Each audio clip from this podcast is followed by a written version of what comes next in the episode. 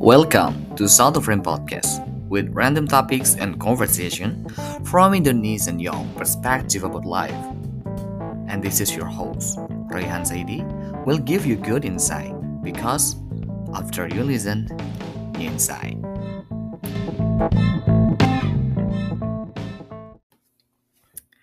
Halo, gue Royhan, tuan rumah Satu Frame Podcast. Di episode ini, gue mengajak orang yang backgroundnya belum pernah gue undang di podcast Satu Frame, yaitu gue mengundang seorang santri yang sudah belajar di pondok kurang lebih 8 tahun.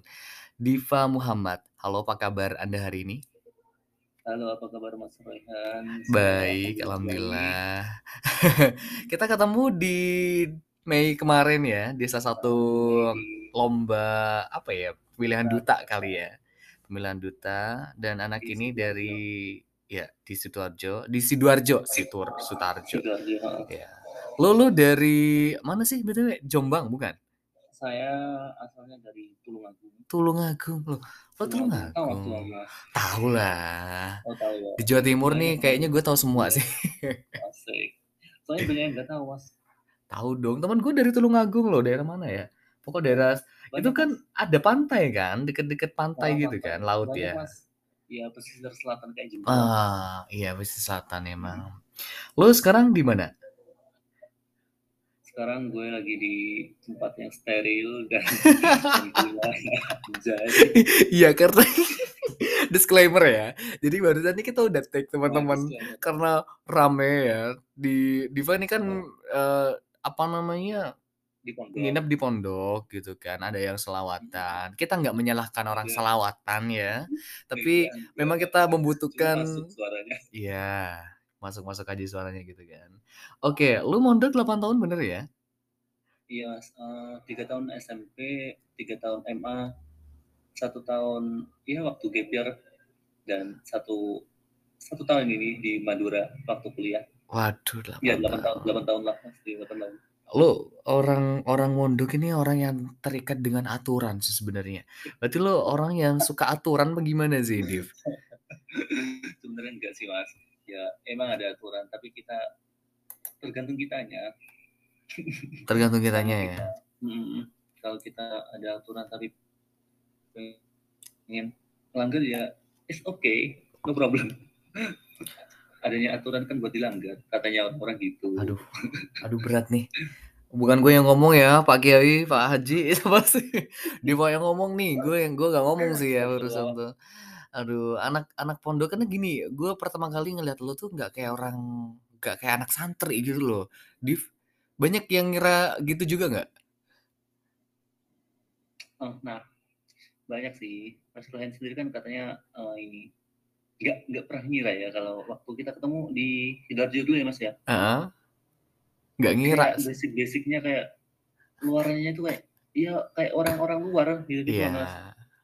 Ya gitu sih Mas. Banyak yang komentar gitu. Maksudnya kayak banyak yang nggak nyangka gitu kalau basic dari saya itu ternyata dari pondok pesantren ya saya kalau di luar emang ya outfitnya celana jebol-jebol ya sesuai men- menyesuaikan zaman lah mas Oke, menyesuaikan zaman ya. Lu di pondok apa BTW? Di Jombang? Eh, mana di Jombang ya? Mm-mm, di Jombang di Tebuireng. Eh, di Darul Ulum Mm, Tebuireng itu di Jombang juga nggak di sih? Jombang mas Oh. Iya gue karena gue tahu tuh karena gue tuh eh, lingkungan pondok gitu kan Tebu Oh. Ireng gue dialamin di Perenduan oh Semenep keren dua ah uh lumayan cuy lo tau nggak sih setiap Jumat ya setiap Jumat Eh. itu yang diundang siapa? Ininya imamnya. Yang dari Mesir dari Arab ya, Mas. dari mana? Subhanallah lah kalau yang namanya Iya. sholat Jumat itu 15 menit 20 menit itu ada gitu. Yang dibaca pernah Ar-Rahman gitu dulu waktu gue kecil tuh. Ar-Rahman lu tahu Ar-Rahman sepanjang apa? Iya. dia baca Ar-Rahman cuy. sampai sampai sampai selesai Ar-Rahman sampai selesai. Iya. Masya Allah kan yang memang memang jamaahnya kan panak pondok gitu kan yang udah terbiasa seperti itu. Kita yang nggak terbiasa tuh capek. Kesuwen katanya. Loh lama. kesemutan banget kita waktu itu tuh. Tapi ya itu sih ini menariknya gitu kan anak pondok gitu. Eh, jadi agak tahu kalau lingkungan pondok itu memiliki habit yang cukup keras. Gue bilangnya cukup keras gitu. Iya. Bisa anak-anak pondok yang keluar dari pondok secara tidak apa ya namanya ya eh, nggak ngomong gitu ya nggak ada izin, eh, nggak tidak izin bisa dibilang. itu hukumannya itu hukumannya jadi plak plak plak plak gitu sama kiai sama ustadznya. Lu juga pernah kayak gitu? Eh, untuk hukuman sih tentu setiap pondok memiliki kebijakan masing-masing ya mas kalau setahu saya kalau kalau di pondok gue sih biasanya itu mas. Ya gitu sih. Kalau hukumannya kalau nggak gundul kalau nggak gundul Oh, ya dipajang di pondok putri. Jadi kita jadi tontonan gitu lah. Malu nggak sih? Malu mas. Lu dipa lu pernah dipajang gitu? Enggak sih. Dibotak dibotakin doang pernah. oh dibotakin kan tinggal pakai peci doang cuy. Iya dipakai peci anjir. Ya nggak apa-apa. Banyak banyak juga sih mas yang kayak cewek melenggar ntar di dipajang di pondok putra kalau oh I see Hmm. Ada gitu-gituan biar ya? bikin bikin bikin jerah gitu mas biar bikin jerah bikin jerah tapi nggak jerah-jerah juga sih ya tapi kayaknya nggak efektif juga ya banyak yang ngelanggar karena gue ngelihatnya gue gue ngelihatnya gini sih waktu itu tuh waktu gue SD apa SMP gitu ya ada Oh. anak yang dia tuh keluar karena stres gitu kan ba bayangkan kayak burung terkungkung dalam sangkar itu kayak anak-anak pondok gitu loh. Lu Oh. nggak tahu dunia luar seperti apa ya enggak sih? Lu nah cuma pengen pengen keluar gitu ya, pengen keluar pengen lihat ses ngerasain lah. Nah gitu. Lu lu ada nggak sih perasaan waktu di pondok waktu itu ya? Pernah mas pernah. Pernah. Bahkan pernah keluar tanpa izin juga pernah mas. Itu enggak sekali bahkan ya bisa lah dihitung. Bagus lanjutkan. Bagus. Ah, ya walaupun nggak patut ditiru mas pernah juga. Sering sering nggak nggak ketahuan tapi ketahuan juga pernah. Ya. Dibotakin. Akhirnya juga digundul lah. Oke digundul. Tapi aman sih ya kalau nggak fisik ya. Tapi aman ya nggak Enggak, fisik enggak fisik. Mas. Enggak. oke. Ya Karena- untuk kita yang lebih baik lah pokoknya intinya tujuannya. Ya tapi kalau lu udah botak gitu ngelanggar lagi tuh apa ya mau dibotakin lagi? Udah udah itu mas udah mentok. Oh botak tuh udah Udah. bentuk ya? Udah gersang. Oh. gak ada rambutnya anjir. Tapi lu sekarang gondrong cuy. Berarti tapi jarang ngelanggar berarti sekarang ya? Oh kalau sekarang itu soalnya di pondok perkuliahan itu kayak bebas gitu mas. Oke. Nggak seketat waktu gue SMP SMA sih. Jadi pengurusnya tuh tahu ngelonggarin gitu loh kalau kita gitu Hmm. mas kan mahasiswa. Jadi kegiatan ngajinya juga nggak sepadat waktu gue mondok SMP Hmm. SMA dulu. Lu banyak waktu buat kuliah sih ya karena memang kehidupan kuliah kan beda sama di sekolah Mm, gitu betul, kan. Iya, kuliah juga banyak banget kegiatannya gitu kan. Iya. di teman-teman gue juga yang mondok di sini juga cukup diberikan fleksibel gitu ya ada fleksibel lah dibandingkan Nggak yang- muluk-muluk. betul gitu. Alasan lu mondok ini memang dari hati apa memang eh, kemauan orang tua dulu? Kayaknya nih paksaannya paksaan yang berujung Iya, enak kayaknya. pertama dulu tuh lulus SD lah lulus SD tuh Heeh. ya dipaksa gak dipaksa sih ya diwajibin mondok gitu mau sekolah favorit di mana pokoknya mondok. Jadi ya gue sekolah di sekolah favorit di kota gue tapi juga mondok. Ya walaupun minoritas sih eh, bahkan gue aja yang mondok di SMP favorit gue itu nah baru waktu MA gue terbang ke Jombang buat buat mondok beneran. Jadi lingkup sekolahnya itu di dalam pondok gitu. Nah itu yang banyak ngalamin kejadian kayak bobol terus lihat konser gak gak izin. Ya oh sebenarnya gak bagus anjir bagus gitu patut di apa namanya diteruskan sih patut dijadikan contoh ya Ini ya. Astagfirullah, jangan. anda sudah melakukan itu gitu kan tapi gini loh eh Div banyak Iya, iya. terutama juga pondok yang ada di kota gua ya Mhm, gue gak mau nyebutin pondoknya karena kejadian ini kejadian yang cukup memalukan bisa dibilang mhm. kejadian di pondok kan pasti nggak ketemu cewek dan cewek gak Mhm. ketemu cowok gitu kan. Kejadian yang di luar nalar gitu ya. Misal LGBT itu banyak banget di pondok katanya dulu gitu. Nah di pondok lu pernah nggak kejadian seperti itu? Kalau di pondok gue alhamdulillah nggak ada ya mas ya. Hmm. anu bang Royan. Sering sih dapet isu-isu kayak gitu maksudnya di di berita loh. Hmm. maksudnya itu kayaknya personal nggak nggak nggak semuanya santri itu kayak gitu tapi kan yang dibawa akhirnya instansi yang berada di Betul. naungannya gitu Mhm. jadi nggak semuanya santri sebenarnya kayak gitu sih Iya, karena teman gue Hmm. kemarin mondok di salah sa teman semai gue ya, teman semai gue tuh Heeh. mondok di salah satu adalah pokoknya ya. Dia tuh cerita gitu kan, kalau di pondok tuh ada seperti ini. Hah? Masa kan pondok kan menurut gue Iya. Orang awam ya, pondokan kan Hmm. belajarnya agama gitu loh. Kok bisa sampai yang seperti itu gitu. Ada Roy gitu kan, ada Hmm. kayak gini gini gini gini. Hmm. Gue kayak kaget. Ternyata di pondok-pondok lain-lainnya tuh ada yang kayak gitu Mhm. gitu kan. Oh, berarti gue gue ngiranya ya gitu. Bukan Iya. agama yang menjadi dasar orang itu melakukan Hmm. seperti itu gitu. Emang secara personal kata lu tadi. Oh iya, Gitu. heeh. Secara personal lu Tapi tadi. yang kebawa akhirnya instansi yang menaungi, Mas. Jadi kayak dia mengotori nama pondok pesantren akhirnya. Jelek banget jadinya. Iya, mhm. Dan di pondok lu aman sejauh ini? Apa, Mas? Aman ya?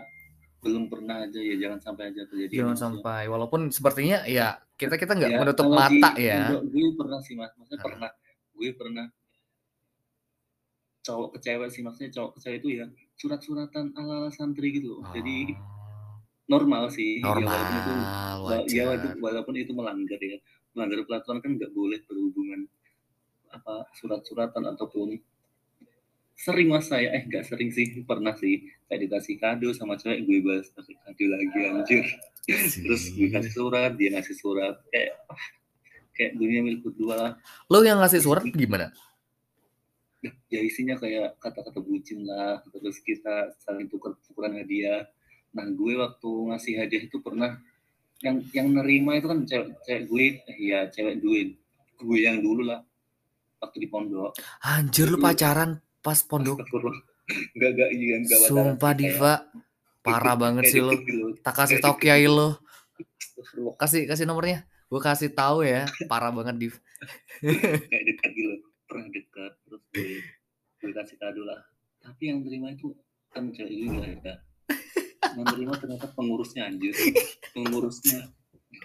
Ini buat ini mbak. Saya kira kan temannya ternyata itu pengurusnya. Jadi yang kena takziran apa hukuman itu cewek gue. Hmm. dia kayaknya suruh nu- nulis yasin kan nggak salah. Lu parah banget sih ya Div. ya walaupun salah gue sih ya Allah. Jadi Iya. gak sendiri. Gue Terus terus. Emang ya gitu dia akhirnya kalau mau ngasih barang tuh bilang-bilang jangan kayak gitu ntar yang nerima nggak sesuai harapan parah banget sih. Berarti lu ya kasihan pas pondok pacaran gitu ya? Pacaran enggak dalam enggak artian cuma surat-suratan gitu kan? hmm, deket orang deket deket antar santri putri gitu loh mas Oh, anjir. Lucu ya kayak di film-film tau gak sih apa pesantren rock and roll gitu loh, tau gak sih lo? cerita kolam mas iya. Iya, iya tuh ada oh iya tuh. heeh. Ada tuh yang kayak gitu tuh. Jadi kayak heeh. yang santri cowok sama santri cewek tuh ada yang surat-suratan gitu. ya dia Hmm. walaupun kita kan satu sekolah tapi per kelas itu cowok cowok cowok sendiri cewek sendiri gitu mas tapi kan kita kalau di jalan tuh wis anjir Weh, oh, wah wah Yunire gitu ya. Ya Siapakah siapakah dia? Aku kok nah tertarik jadi gitu. ntar stalking stalking baru. Siapa dia? Oh. Secara stalking lu gimana? Kan lu pakai ada HP. nggak boleh sih tapi ada itu mas. Warung internet ya warnet. Jadi Oh. kalau gue dulu di SMA paling ngehits itu Facebook mas Facebook. Jadi kan ada pondok Facebook kan inbox sama IG IG juga. Tapi lebih boomingan Facebook sih. Jadi teman-teman banyak yang nge-DM eh kalau nge-DM inbox melalui Facebook ya Oh, anak nah Facebook banget ya. ntar enggak sih kalau sekarang udah pensiun anjir jadi terus. ntar itu keamanannya keamanannya itu sidak kayak keamanan pondok gitu mas Heeh. kalau ada hal-hal yang mencurigakan kayaknya anak ini ada sesuatu itu yang dibuka yang dibuka pertama itu Facebooknya mas jadi dia itu ngecek kayak ngecek Facebook kita kalau seumpama kita udah terjebak ke dalam masalah nah udah masuk kantor keamanan itu berarti wah Facebook kita udah nggak baik-baik saja harus segera diamankan itu segera di delete semuanya Oh, mereka juga ngelihat sosial media kalian ya waktu itu? Masuk ke akunnya kalian gitu tuh maksudnya? Mm-mm. Oh, bisa gitu Mm-mm. ya? kita dipaksa harus masukin akun kita terus cari mereka cari kesalahan-kesalahan kita kayak wah ini ada chat yang mencurigakan nih gini gini gini ntar disidak ditelusuri kayak gitu mas Hmm. Parah banget sih, parah banget sih buat buat petugas-petugas gitu. Lo nggak tahu sih anak kecil yang butuh sosial media ya sih. Pembenaran ya, Div ya. Pembenaran diri ya. Boleh lah ya, nggak apa-apa ya gitu. Iya, iya. Oke, itu kan berarti lu 8 tahun sebagai santri. Waduh, itu udah kenyang banget ya se- oh, 8 tahun gitu kan sebagai santri. Bisa dibilang lu ustadz gak sih sekarang, Div? Ustadz gak sih? bukan mas saya mas santri mas kalau ustadz itu mau dibilang ustadz tapi kelakuan masih kayak gini mas astagfirullah Bukannya kalau sudah keluar SMU nih kalau nggak salah ya, SMA Mm-mm. gitu ya. Itu Hmm, sudah bisa jadi- di- bisa dikatakan ustadz ya? jadi- Mm-mm. tapi ya kayak gini mas saya gak pantas lah saya Ustadz sendiri bilang Ustadz Diva Muhammad, masya Allah. "Ah, amin Mas." Amin. Kan gue kan mengamini nih, apa namanya, mencoba mengamini gitu loh. amin amin Berdoa juga gitu, Div. Karena ya lu tiga tahun berada di SMK ya, SMA. Karena di, apa namanya, di Pondok Pesantren Alamin itu ada MTQ. Apa MTQ salah? Bukan MTQ, apa sih namanya tuh? Tafid. Eh, Oh, ada yang, apa ya, Kan, aduh. Mas, kalau alamin kayaknya harus speaknya harus speaking English sama Arabic ya Aduh, subhanallah. Iya. Kok tau banget sih lu? Different kan? Lo tau gak sih? Ini nih, ini cerita ya. Waktu Jumatan nih misalnya. Kalau Jumatan di sana itu, karena gue kan dari luar, jadi santai-santai aja gitu kan. Oh, Anak-anak tapi itu nggak apa-apa ya, masuk masuk nggak apa-apa ya? Masuk-masuk aja, karena masyarakat Oh. gitu kan bisa dibilang. Mereka tuh kalau Oke. ngobrol gitu ya, Jumat misal, pakai bahasa Arab gitu kan. Anta, anta, Oh, wah, gitu. ngomong naon kata sih gitu. Sama bahasa Madura sendiri mas. Bahasa Madura tuh jarang ya. Malah di pondok sana itu kayak kebanyakan bahasa ya Indonesia, bahasa Arab. bahasa Arab, bahasa Inggris gitu. Tapi seringan sih bahasa Arab sama bahasa Indonesia. Bahasa Madura yang dicampur bahasa Indonesia tuh ada, ada gitu. Hmm. Ya, ya gitu-gitulah. Ya Kayaknya udah di luar kepala gitu ya mas ya, buat speakingnya di sana. Hmm, maybe karena mungkin pelajaran atau basicnya mereka pengantarnya tuh ada bahasa apa bahasa Inggris, tauhid, fikih, ya. apa tasawuf itu gitu-gitulah kayak Kadang-kadang. kitab Hmm. kuning, kitab gundul gitu kan yang dibaca. Hmm. Ini apaan gitu gue. Nggak Amazing. ngerti gue. Gue cuma gitu doang sih. Kita nyimak doang ya mas. Nyimak banget sih si si baca apa nih gitu kan kayak gitu. Jumatannya aja udah Ar-Rahman mas. Jangan salah. Pernah ya apa ya paling panjang itu? Itu Rahman tuh panjang sih. Ada sih ya, surat-surat lain. Pokok mereka tuh nggak ada yang bacaan yang Kul huwallahu ahad itu nggak ada ya. Kul a'udzu bil falak itu nggak gitu. ada, Div. Panjang-panjang semua bacaannya gitu. Tapi ya ya memang gimana ya kalau sudah orang-orang apa namanya? Ustadz, kiai, kebiasa gitu kan. Hmm. Jadi malah mereka jadi nyaman sendiri. Kita kita yang orang umum ya, wow, ini kok lama gitu. Kesemutan udah pengen beranjak ya mas. Gitu. Tapi ya pengalaman lah. Sekarang gue jarang juga sih kan pulang gitu. Malah kayak ya udahlah, gue gue jarang banget sih dialamin gitu. Terakhir kali pas waktu SMP. Ya karena ketat banget sih masuk aja gue. Apalagi pas waktu pandemi ya, duh masuk aja tuh kayak harus ah gitu Heeh. gitu. Nggak ada mereka mereka di waktu pandemi itu kayak nggak ada pakai masker orang-orang tuh nggak ada yang pakai masker karena orang yang dari luar itu nggak boleh masuk Udah gitu ketat loh. ya, Udah ketat ya. Heeh. Nggak boleh masuk yang dari luar tuh. Jadi mereka ya nggak ada corona sih di di pondok Di itu dalam sih. Heeh. Ya santai-santai aja sih. selektif ya dalam kayak memasukkan orang yang masuk pondok ya mas ya. Untuk saat ini lumayan. Untuk sebelumnya kayaknya aman aja sih, masuk-masuk aja. Apalagi sekarang kayak sangkar apa ya? Sangkar burung yang mereka tuh nggak bisa ke mana-mana. Udah banyak batasannya dikasih beton apa gitu. Nggak bisa deh Oh ke mana-mana. pagernya pembatas Aduh, mas ya. pagarnya beton cuy, 3 meter sama 4 meter. Nggak bisa lah mereka keluar gitu. Berarti nggak bisa bobol kayak gue ya mas ya. Kayaknya sih nggak bisa ya. Nggak Gitu. bisa. Ngomongin santri nih, Div ya. Lu kan iya, santri ya. Lu santri dong, validasi dong. Saya nggak sih? iya. ya, Menurut lu santri tuh yang baik tuh seperti apa sih? Selain seperti lu ya. Santri yang baik tuh seperti apa sebenarnya? Santri yang baik itu ya yang ini Mas, yang dia itu berani buat ngembangin apa yang dia miliki kayak apa ya? Bakat ataupun walaupun dia itu enggak jadi nggak nggak stay di situ aja gitu loh mas. Dia berani untuk mengolah ataupun mengembangkan bakat ataupun minat yang ia miliki.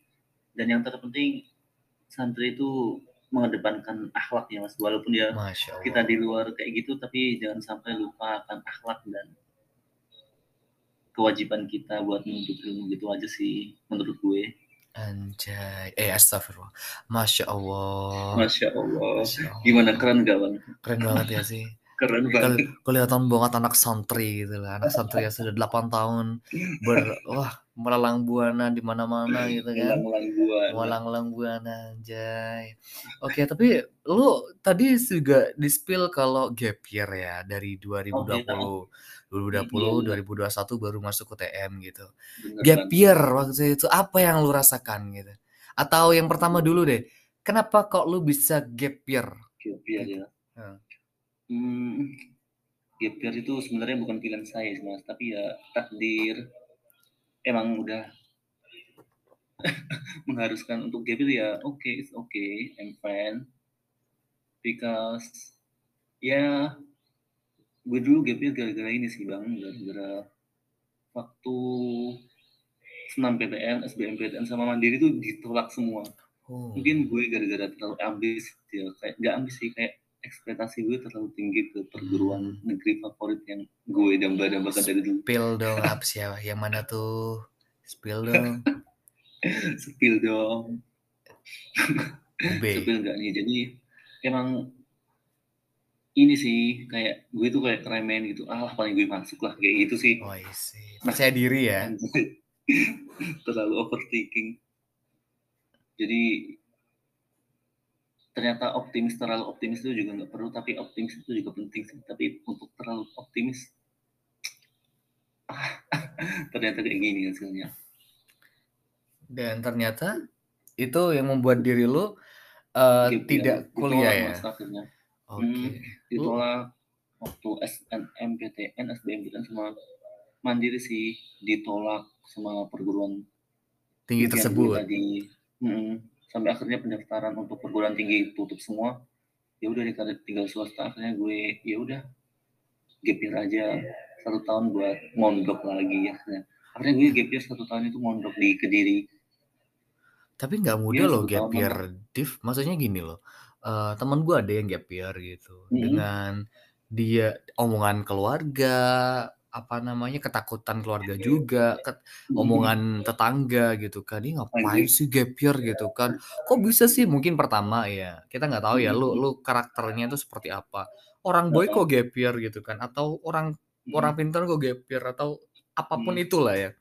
Lu Hmm. ada nggak sih narasi-narasi itu yang masuk ke telinga lu ketika lu gap year waktu itu? Hmm. Alhamdulillah nggak ada sih bang, tapi ya nggak ada nggak ada. Alhamdulillah nggak ada sih. Kayaknya orang-orang itu udah tahu sih, kayak nanyain, oh satu tahun di mana? Oh buat mondok. Oh jadi satu tahun buat mondok. Oke oke keren keren gitu aja sih. Kayaknya orang-orang itu nggak mau ngungkit maybe. Oke, berarti lingkungan lo masih lingkungan baik sih, karena di Masak masak masak aja mas kayak banyak cuy, gitu. Banyak. Lo nggak tahu Jadi- ketika di gap year itu pressure-nya itu dari diri Oh. sendiri pun ada, dari luar banyak ya. Banyak banget, terutama kayak yang ngapain sih? gitu loh kayak yang lo tuh tolol banget sih kok bisa sih? Ah gitu loh ngerti gak sih? Kok bisa lo? Kok gak masuk sih? Bodoh banget sih lo gitu loh. Tertekan juga berarti ya. betul banget banget gitu. Berarti lo nggak ngerasain yang seperti itu Alhamdulillah nggak ada ah sih. nggak Jadi gue asik banyak malah dari keluarga gue malah banyak support. sport ya Jadi kayak malah nge-support. Udah pilih aja tentunya yang pengen. Jadi ya cari yang peluangnya masuk tinggi gitu aja. Jangan gue digituin sih. Jangan jangan berekspektasi yang terlalu tinggi dan, dan harusnya seperti itu gitu oke kan heeh. as a family support Hmm, apa namanya support, support. jadi support system Jadi, gitu. mensupport apa yang kita inginkan gitu aja sih menurut saya. Betul. Iya sih? Betul jadi uh, every single one ketika orang-orang lain ngomong apa pun tentang lu ya masih ada salah satu hal satu hal yang bisa balik lagi lu gitu kan semangat lagi Mhm. gitu kan dari keluarga gitu kan sebagai support ya seumpama ada yang bilang kayak gitu why not itu kan pilihan gue kenapa Hmm. lo yang nanya-nanya gitu aja sih kayaknya kenapa lo yang repot kan itu kan yang ngejalanin gue Betul. kenapa sih lo yang repot Oke. gitu sih Iya, berarti aman ya. Oke.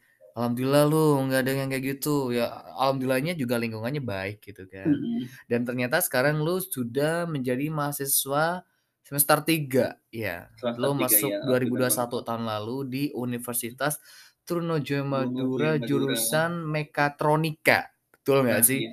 Ini mekatronika gue baru denger dari lu. Ini mekatronika sih, Mas. apa nih? Mungkin teman-teman yang lagi dengerin podcast ini belum tahu nih apa mekatronika. Semoga uh, jadi setiap gue kayak waktu lebaran waktu lebaran dulu ya mas ya waktu lebaran dulu itu gue kan ditanya di UTM ngambil apa teknik mekatronika nah setiap gue masuk rumah itu kayak gue ngejelasin jurusan gue deh mas Wah. jadi kan orang-orang itu banyak yang belum familiar gitu jadi gue waktu telasen ya telasen ya mas kayak idul Mm, idul mm, mm. idul fitri Idul Fitri. Idul Fitri kan berkunjung ke rumah tetangga, saudara, ambil jurusan apa? Teknik mekatronika. Wah nih, setiap rumah gue jelasin satu persatu. Allah, Allah. Jadi teknik mekatronika itu eh, ilmu yang dari Jepang, dari Jepang. Nah orang itu orang-orang itu baru masuk di Indonesia kayaknya baru 2000 2002-an. Sekitar 2000-an lah mas. Mm-mm. Nah, jadi ilmu mekatronika itu kayak menggabung dari mekanik, elektronika, sama informatika kayak gitu. Uh, tiga dong. Oh, tiga, tiga bidang ilmu sekaligus. Dan S1-nya itu masih ada di UTM doang. Jadi Wow. ya gue mutusin mutusin buat ke UTM gara-gara ini sih. S1-nya masih ada di UTM. Ada sih di salah satu PTN di Jogja, tapi itu pendidikannya bukan yang murni. Jadi it's okay. Gue mantepin buat milih di UTM. Wow. Mekatronika. Di UTM doang. Gila. gue tuh gue tuh pernah loh mas anu berpikir waktu SBMPTN itu kayak milih ke UNES apa UNES ya hmm. UNES Kampus gue dong. Kampus gue. pertambangan kayaknya asik Oh. Terus? tapi kayaknya nggak mau berekspektasi lebih juga mas Anjir bagus banget Anjir. lo. Itu benar itu benar benar. Karena lu belajar dari kesalahan tahun lalu gitu kan. Takutnya keulang kembali. nggak mau mengambil kesalahannya untuk Tuh. kedua kalinya Karena gini loh, karena kita merasa bukan bukan berarti pilihan yang kita saat ini tuh tidak bagus ya. Hmm, Maksudnya bukan ketinggian apa apa kita bisa enggak gitu. Kita ngerasa bahwa kapasitas kita itu kayaknya bisa Ah, deh di betul, sini gitu kan. Sadar diri dan tahu Sadar diri itu penting. Gitu. sadar diri itu penting Sadar diri itu penting cuy. Karena gue dulu gitu, anu Div. Dulu tuh gitu juga. Dulu tuh gue SNMPTN, gue pengen lah di salah satu kampus keren gitu kan. Gue ngerasa, wah tinggi nih. Kayaknya gue nggak bisa nih apalagi SNMPTN gitu kan. Jadi gue sadar diri untuk kayak yang Oh, oke. sadar diri dulu ya? Oh iya cuy. Gua, Anjir. karena gue belajar dari pengalamannya temen gitu kan. Gue nggak pengen kayak oh dia. dari teman dari teman Oh, iya karena gue pintar kan. hal itu terjadi ke gue kayak gitu mas Kita harus belajar dari apa pun yang terjadi di sekitar. Nah kayak gitu. Ataupun Dan- di lingkungan kita ya mas ya Betul gitu. Itu itu banget nih. Dan banyak banget cerita lu yang mungkin bakal lu apa namanya ceritakan di episode ini. Tapi di sini terus jangan ke mana-mana ya teman-teman.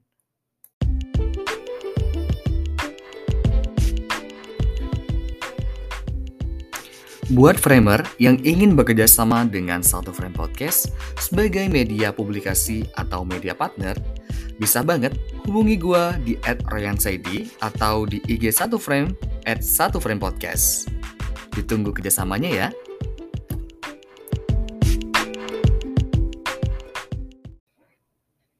Oke, balik lagi bersama gua dan Diva. Barusan gua sudah tahu cerita sedikit terkait dengan kenapa Diva gap year dan juga apa itu jurusan mekatronika, bener nggak sih mekatronika? Nah, that's right, benar Mas. Lebih lebih ke kayak anu ya, Transformers gitu, pernah Mechatronika gitu. Oh, ke robot-robot iya Mas, benar Ah, emang robot-robot yang ya? dipelajarin kayak ke robot-robot gitu. Oh. Robot-robotnya nggak segede Transformers sih, kayak ke model kayak ke robot-robot kecil kayak gitu. Lu pengen jadi apa di jurusan ini? Apalagi kan the one and Mhm. only gitu loh, mekatronika murni yang ada di UTM, pengen jadi apa lu sebenarnya? Pengen jadi engineering sih Mas, pengen jadi teknisi sih. Tapi Wow. gue pengennya tetap lebih ke kayak ke pertambangan sih, kan pertambangan juga butuh kayak mekanik mekanik kontrol kayak gitu. Oke, berarti lu udah tahu arah lu ya. Oke, bagus tuh. Karena banyak orang yang Ya semoga semoga aja belum sih berharap. amin. Karena Walaupun nggak tahu nanti, kita jalanin aja dulu. ya semoga yang terbaik ya. Karena gue ngelihatnya banyak orang yang sudah jadi jurusan ini, di jurusan ini misal gitu ya.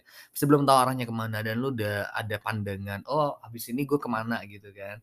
Dan di UTM sendiri lu tidak diam ya, tidak diam banyak banget hal yang lu lakuin. Terutama lu jadi kalau nggak salah ya duta jurusan apa duta jurusan mekatronika, duta baca UTM, duta baca ini sudah masuk ke perpus perpustakaan gitu ya teman-teman. Dan juga Iya, kemarin juga kayak mencoba duta duta bahasa gitu kan. Duta bahasa. Lu emang suka duta-dutaan bagaimana nih? Ya awalnya dari pondok sih Mas, dari pondok. Jadi pondok gue itu nggak nggak kayak ya pondok sih kayak belajar agama tapi pondok kekinian gitu Mas. Jadi juga mengikuti arah zaman gitu loh. Jadi di pondok gue dulu ada kompetisi kayak eh di sekolah gue sih kayak ada duta perpustakaan gitu. Jadi gue tuh sebenarnya nggak minat, tapi kayak guru gue itu nunjuk gue maksa gitu. Oh Diva, lu harus eh, kamu harus ikut kayak gitu, mewakilin kelas lo. Jadi kelas kalau dari salah satu kelas nggak ada yang mau ngewakilin kayaknya didenda gitu loh. Jadi gue kayak dikambing hitamkan kayak gitu awalnya di di pondok gue. Ya akhirnya alhamdulillah dapat juara dua ya. It's okay. No problem. Dari It's good. mm, dari dikambing hitamkan jadi suatu prestasi. It's amazing as I'm very proud, sangat terkesan. Dan Nah, itu kemudian akhirnya alasan lu tetap apa ya, mencari jalan di duta juga gitu? Apa lu merasa it's like a passion or Hmm, maybe hmm. ya I have a skill to make mm, apa untuk mengembangkan diri gua di bidang ambassador betul gitu. betul. Kayaknya gue lebih terbuka, kayak lebih apa tuh lebih leluasa gitu mas kalau masuk ke dunia ini kayak nggak ke dunia ini sih kayak kalau masuk ke duta lebih fun gitu, suka gitu, kayak lebih mengembangkan diri dan jati diri gue itu nggak nggak ada batas buat mengeksplor hal yang ada di diri gue kayak ya kayak gitulah pokoknya. Jadi nggak ada batas buat berekspresi. Oke. semuanya bisa tersalurkan gitu. Dan akhirnya waktu pemilihan duta jurusan itu akhirnya ya alhamdulillah kepilih jadi winner. Kemudian disusul. Kemudian disusul dua bulan lah dua bulan. Kemudian di UPT perpustakaan ngadain kam di kampus duta baca.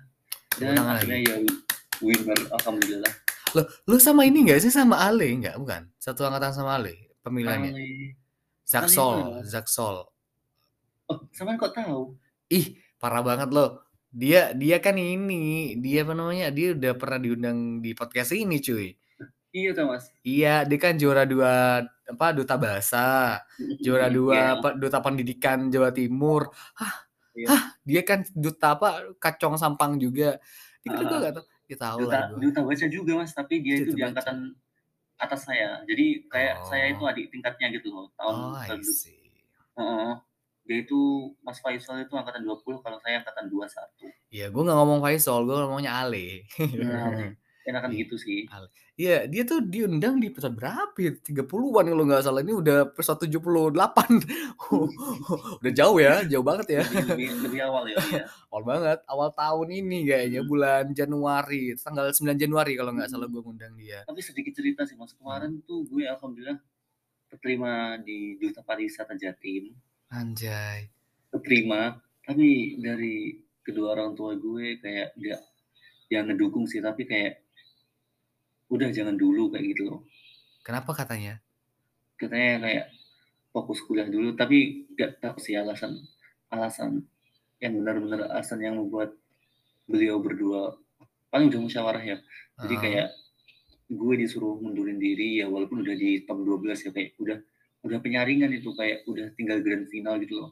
Wow. ya akhirnya gue nggak mau walau ya dengan berat hati melepaskan Kenapa? 12. Kenapa lu nggak rebel?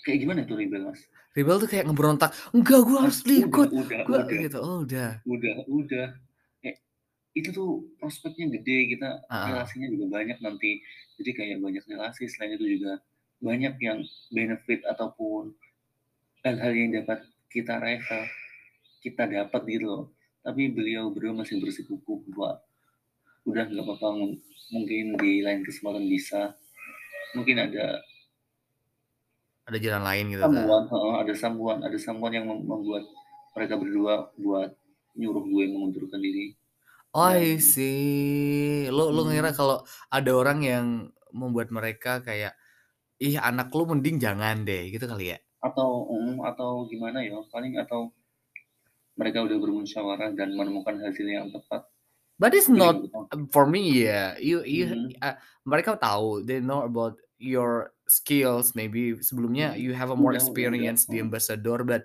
ketika sudah ada kesempatan lain gitu Di- kan another di top 12 nah di grand final yeah is a big opportunity for me. Mm. But lu lu Mungkin bisa rebel, lu bisa rebel kiai lu, kenapa lu nggak bisa rebel orang tua lu? banyak banyak banyak sih mas gue curhat teman-teman gue kayak gue udah maju aja nggak apa-apa.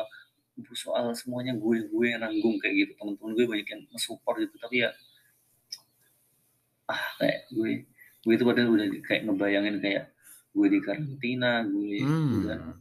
ngasih bakat yang terbaik kayak gitu gitulah tapi ya mungkin jalan yang terbaik kayak gini. Ini baru semester ah, semester dua kemarin kayaknya pengumumannya. Oh, dan gue mengundurkan diri akhirnya gue message panitianya buat mundurin diri.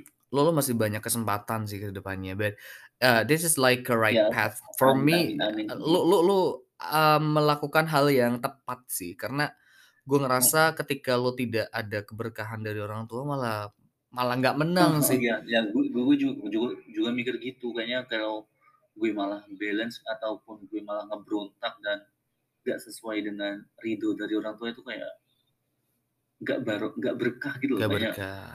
Mm-mm. kayak enggak Oke. ntar malah ada sesuatu apa-apa kayak kan gak ada restu dari orang tua kayak gitu Nih, nih gue ngasih cara ke lu nih ya. Gue ngasih cara ke lu. Hmm. Lu kan lu kan sudah ada di Bangkalan ya. Rumah lu Tulung Gimana? Agung orang tua lu Tulung Agung. oke Gue adalah orang kalau apa-apa tuh nggak pernah ngasih tahu orang tua. Seriusan. Gue ngasih Oh, taunya oh, ketika mm, gue menang. Itu gue Oh, kayak- pasti. Kayak lomba-lomba gitu ya mas ya Betul. Lo tahu kan gue ikut berapa Hmm. lomba itu, gue gue gue seriusan nggak pernah ngasih tahu orang tua gue ada di mana, tiba-tiba ke Bandung paling cuma gini, "Mak, gue ke Bandung, lu ngapain lomba?" Udah kelar gitu kan. Gue tiba-tiba, "Mak, juara Heeh. ini" gitu kan di sini. Gak pernah ngasih tahu karena gue ngerti orang tua tuh pasti ada kekhawatiran ya ketika banyak banyak banyak anaknya yang dipikirkan ya mas pasti banyak gitu kan. alasan-alasan mm. Itu kan jadi Hmm. melimitasi kita untuk bergerak gitu loh. Anu, Hmm, siapa Div? nggak leluasa nggak sesuai keinginan kita gitu gue gue nggak ngajarin gue nggak ngajarin ke lu untuk tidak mencari berkah ke orang Mm. tua gitu kan tapi dalam artian eh, lu punya tujuan yang eh, tepat untuk mengembangkan Mm. diri mencari apa namanya jati diri atau nge-branding diri lu gitu kan dengan cara ini gitu kan Dengan ikut duta-duta nah betul ketika memang ada batasan dari orang tua lu malah tidak bisa bergerak gitu ya why not to try untuk lu apa ya untuk lu berkembang tapi dengan jalan lu sendiri tapi lu ngasih Dengan tahu lo ngasih tahu orang tua lu ketika lo menang. Nah, itu kalau tuh. udah kalau udah emang benar-benar berhasil kayak gitu ya Betul. Dan itu banyak yang orang lakukan kayak gitu. Gitu sebenarnya kan. emang gitu sih mas kayak duta baca dan duta jurusan tuh Nah. gue gak pernah bilang gue bilangnya malah waktu udah juara itu Nah, baru gue pulang tiba-tiba bawa kayak semua hadiah kayak benefit nah, anjir nah. Kenapa di duta kemarin ada Hmm. ngomong gitu loh masalahnya? soalnya itu udah kayak udah Jatim gitu, udah Jawa Timur. Jadi kayak kayak butuh-butuh teman buat cerita kayak gitu, Mas. Oh my god. Uh, Mhm. I know, I know your feel. I feel you, Mhm. but ya dari sini pun lo belajar untuk evaluasi diri untuk Oh, oke gue biar bagus untuk untuk depannya juga. Jadi untuk yes. untuk evaluasi aja lah. Tuh, ya udahlah ya. Mungkin bener kata mak lo ini ada jalan lain yang sebenarnya Amin, amin. lebih besar gitu. Gue aminkan iya, tapi kayaknya kalau orang tua ngomong gitu kayaknya kejadian dia. Iya, siapa tahu lo ntar lagi jadi duta yang lebih nasional, yang nasional, who Amin, knows ya kan? Who Duta kehutanan gitu, Mas, ya. Betul. Ya, ya kita lihat aja, let's see aja gitu kan. Nah kayak gitu. Kita lihat ke depannya. Betul. Dan lu eh berarti sebagai santri yang bisa dibilang nggak kayak santri. Bener gak sih kan? Sebagai santri yang tidak kayak santri tapi sekarang sudah beralih mencari menjadi seorang ikutan duta-duta gitu kan. Branding menurut lo kan pasti penting gitu ya. Penting banget kan nge-branding diri apalagi masih maba-maba ya kayak lu semester Mhm. 3 gitu kan. Cara nge-branding lu itu gimana si eee, Div?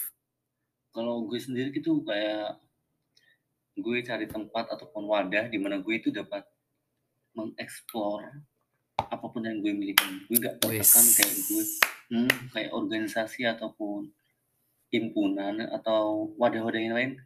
Yang terpenting gue di dalamnya itu nggak tertekan. Gue berani untuk mengeksplor dan nyaman di dalamnya kayak gitu sih. Cari tempat di mana kita dapat mengeksplor terutama buat ngembangin diri kita lebih baik.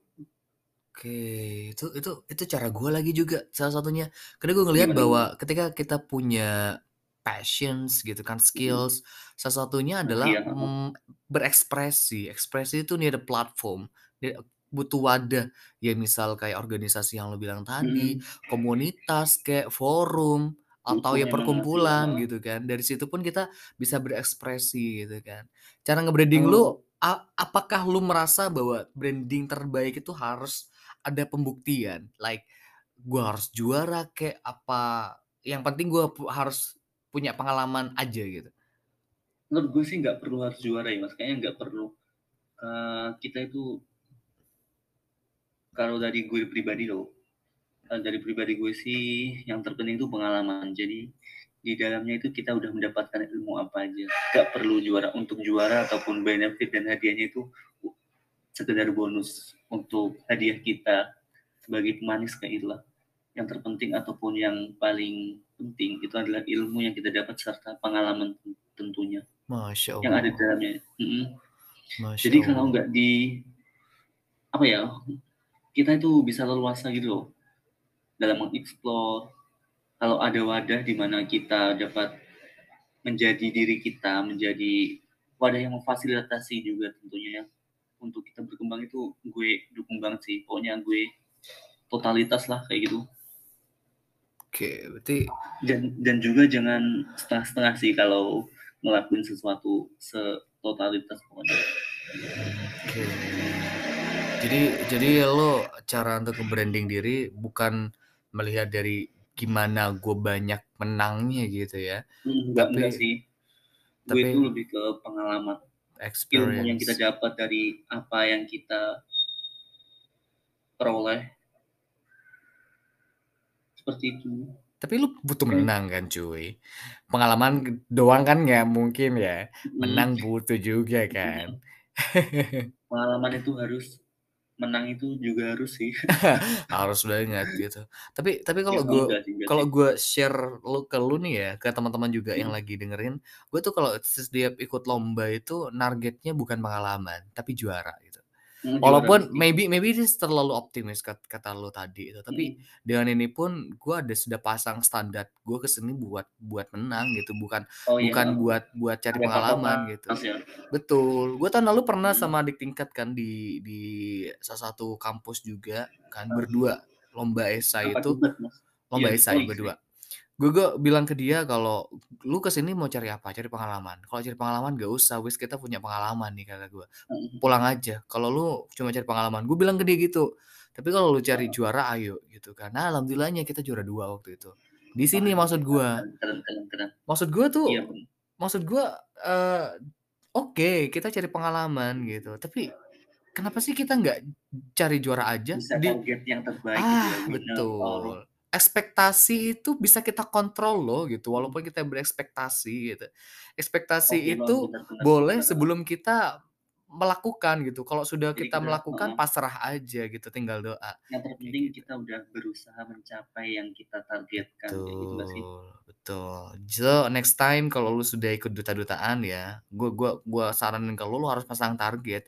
Gua ke sini cuma nggak nggak nggak hanya cari pengalaman gua harus Nggak- juara gitu.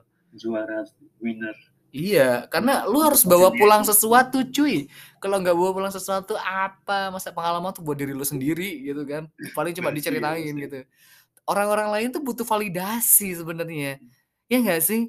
Ikut-ikut lomba tuh Butuh- apa, ayo? apa yang membuat lo emang bener-bener kayak butuh ya emang perlu validasi mas ngomong Iya apalagi di, sih? di era sekarang kayak gini Betul, validasi itu penting gitu loh. Maksudnya kalau lu nggak ada validasi walaupun you have a skill, you have a capability, capacity, integrity, but you you haven't a, a validation like juara gitu kan misal atau ya apa pun itu gitu eh, penghargaan lu kayak sama orang nggak nggak nggak nggak terlihat gitu kan Mm, nggak nggak diakui bahkan bisa bisa Betul. Dan itu yang gue rasakan sebelumnya di waktu pernah maba itu. pernah mas Anjir, gue banget dulu gitu. Kayak yang lu siapa gitu. Pernah cuy, lu siapa ya karena karena gue sebelumnya belum pernah juara-juara kan. Setelah punya juara, oh, oh, Lu, baru ah. juara ini betul. iya sih ah. kalau kayak peserta ataupun eh, peserta ataupun yang nggak juara itu kayak dikira orang-orang itu kayak angin lalu gitu sih mas kayak Betul. apa sih ini kayak penyemarak doang kayak angin lalu kayak gitu gak sih Ya lu udah ngerasain itu ya Hmm. enggak sih? Hmm, nah, kayak gitu. sesakit itu Aduh, berat. Padahal orang-orang nggak tahu seberapa kita berusaha untuk menjadi Aduh. Iya tapi ada juga sih mas yang kayak gitu kayak ya udah deh gue ikut lomba buat buat ikut pengalaman aja kayak gitu sih banyak sih kayaknya ya Untuk awal-awal why not to try lah, nggak apa-apa lah ya. But untuk tahun kedua, tahun ketiga nggak boleh cari pengalaman. Lu tahun pertama boleh lah, patternnya cari boleh, kayak- cari pengalaman boleh kayak gitu. Tapi untuk tahun kedua dan seterusnya lo jangan pengalaman, tapi juga juara. Juara doang. Anjay, uh, mantap gak sih? doang Iya. Oke, ini terakhir nih, terakhir ya. Pesan lu untuk pemuda yang lagi dengerin podcast ini, yang lagi dengerin mungkin tentang tadi santri, tentang gap year mungkin yang lu sudah alami atau tentang ya jurusan yang baru yang tentang lu semuanya lah. Enggak. untuk oh ini anu apa mas closing up ya mas Hmm, bos bisa dibilang. untuk teman-teman semuanya ya yang apa namanya yang dengerin semuanya atau yang ya intinya kita semua jiwa-jiwa muda milenial jangan pernah takut untuk mengeksplor uh, skill ataupun bakat yang kita miliki karena tidak semua orang memiliki bakat yang sama kita memiliki. Tetapi setiap orang pasti memiliki bakat ataupun skill yang berbeda-beda. Explore hal tersebut. Because nothing is instant. Everything needs a process and of course it takes struggle. Jika semuanya tidak ada yang tidak ada yang instan semuanya butuh perjuangan. Untuk menggapai perjuangan maka diper- dibutuhkan suatu pengorbanan jadi jangan pernah lelah untuk mengeksplor diri anda dan jangan menjadi orang lain kayak gitu sih mas Uh. Diva Muhammad, Duta Baca UTM. Terima kasih untuk kesempatannya. Gue harap lu bakal kasih, sukses ke depannya ya. udah berkenan untuk Amin. mengundang saya di Thank podcast so yang luar biasa ini Wow, thank you so much. walaupun tadi rundownnya jam berapa mas tadi udah udah udah ya. Oke, thank you so much Diva Muhammad. Semoga Ya, selalu sehat dan semoga lancar selalu Amin, kegiatannya ya. Oke, oke terima kasih dan see you next episode. Dadah.